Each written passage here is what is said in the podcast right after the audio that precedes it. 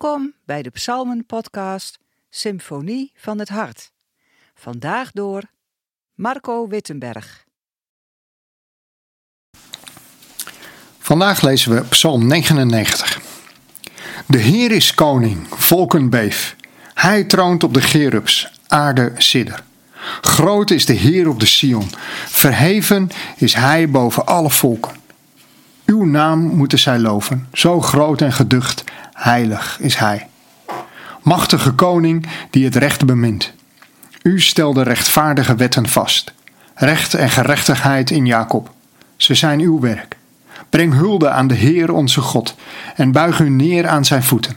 Heilig is Hij. Mozes en Aaron waren zijn priesters. Ook Samuel riep zijn naam. Riepen zij tot de Heer, hij antwoordde. In de wolkolom sprak hij hen toe. En ze onderhielden zijn geboden, de wet die hij hen gaf. Heer, onze God, u hebt hun geantwoord. U was voor hen een God van vergeving en een God die hun misdaden strafte. Breng hulde aan de Heer, onze God, en buig u neer voor zijn heilige berg. Heilig is de Heer, onze God.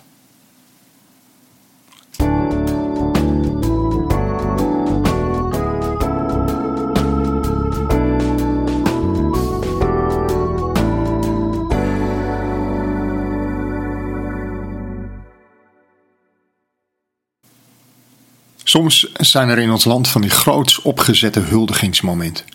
Waarbij er iets te vieren is en waarbij er vooral veel mensen bij elkaar zijn. Samen feesten en luidkeels zingen en roepen. Zelf volg ik het voetbal een beetje. En ik moet dan bijvoorbeeld denken aan zo'n huldiging bij het landskampioenschap. Of als het Nederlands elftal door de grachten van Amsterdam vaart. Maar denk ook aan die sporters van de Olympische en Paralympische Spelen. Die medailles hebben gehaald en gehuldigd worden. Of denk aan volksfeesten zoals met Koningsdag of Bevrijdingsdag. Psalm 99 roept op om hulde te brengen. In vers 5 en vers 9 hulde brengen aan God, omdat Hij heilig is, omdat Hij koning is, omdat Hij groot, geducht en machtig is. Maar laten we beginnen bij het begin. In de eerste drie versen wordt onze aandacht gevestigd op God de Koning, met als gevolg dat wij mensen op aarde, de volken, beven, sidderen. Woorden die we misschien associëren met angst, al naar gelang ons beeld van God.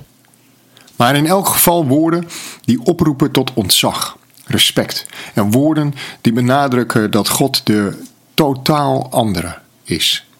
God wordt betiteld als groot en geducht, verheven boven de volken en dan heilig is Hij. De eerste van in totaal drie keer deze uitspraak. Heilig is Hij. Vaak is onze eerste gedachte bij heilig dat het gaat om een soort van ethische volmaaktheid. Denk aan de cynische bestempeling van iemand als een heilig boontje. Het lijkt wel of iemand perfect is in al zijn doen en laten, maar ondertussen. Je kunt ook denken aan die bekende lijstjes van Paulus in bijvoorbeeld de Efeze en Colossensebrief. Allemaal dingen die je moet afleggen, die je moet laten, die niet passen bij het nieuwe leven wat we in Jezus hebben ontvangen. En voor je het weet, ben je bezig om je eigen, leven naast zo'n lijstje te leggen, af te strepen en maar hard te werken om vooral heilig te worden. Maar dit is niet wat er in bijbelse zin met heilig wordt bedoeld. Heilig betekent apart gezet, van een totaal andere orde. En tot drie keer toe klinkt in deze psalm: Heilig is Hij. Met als laatste de toevoeging: Heilig is de Heer onze God. God is de totaal andere. God is apart. Apart in die zin dat Hij God is en geen mens. Hij is van een totaal andere orde. En de psalm benadrukt dit door hem koning te noemen. Groot en geducht, verheven boven de volken. En het mooie is dat vanuit Gods heiligheid er rechtvaardigheid volgt. Het werk van God is recht en gerechtigheid. In een wereld waar het recht zo vaak geschonden wordt, met voeten getreden, is het werk van God recht. En misschien worstel je zelf wel met onrecht of is je onrecht aangedaan. Weet dat er bij God recht en gerechtigheid is. Sterker nog, uiteindelijk spreekt hij ook recht en moet het onrecht wijken voor zijn naam. Dat God heilig is van die totaal andere orde, betekent niet dat God afstandelijk is. De geschiedenis van het volk Israël wordt daarbij gehaald. God sprak tot hen in een wolkkolom. Bekende namen uit de geschiedenis worden genoemd: Mozes, Aaron, Samuel. Als zij riepen, antwoordde God. God antwoordt. God vergeeft. God doet recht. Maar het mooie en het bijzondere in deze psalm vind ik misschien wel dat er groots wordt begonnen. Beven, sidderen, hoog verheven zijn de woorden aan het begin. Maar in vers 5 en vers 8 en zelfs twee keer in vers 9 wordt gesproken over Heer onze God.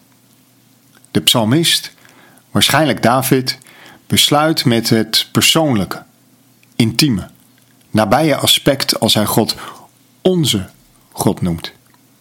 Ik lees het niet als bezit of zelfs bezitterig, maar als persoonlijk en nabij. Groot is de Heer, geducht, machtige koning, heilig is Hij.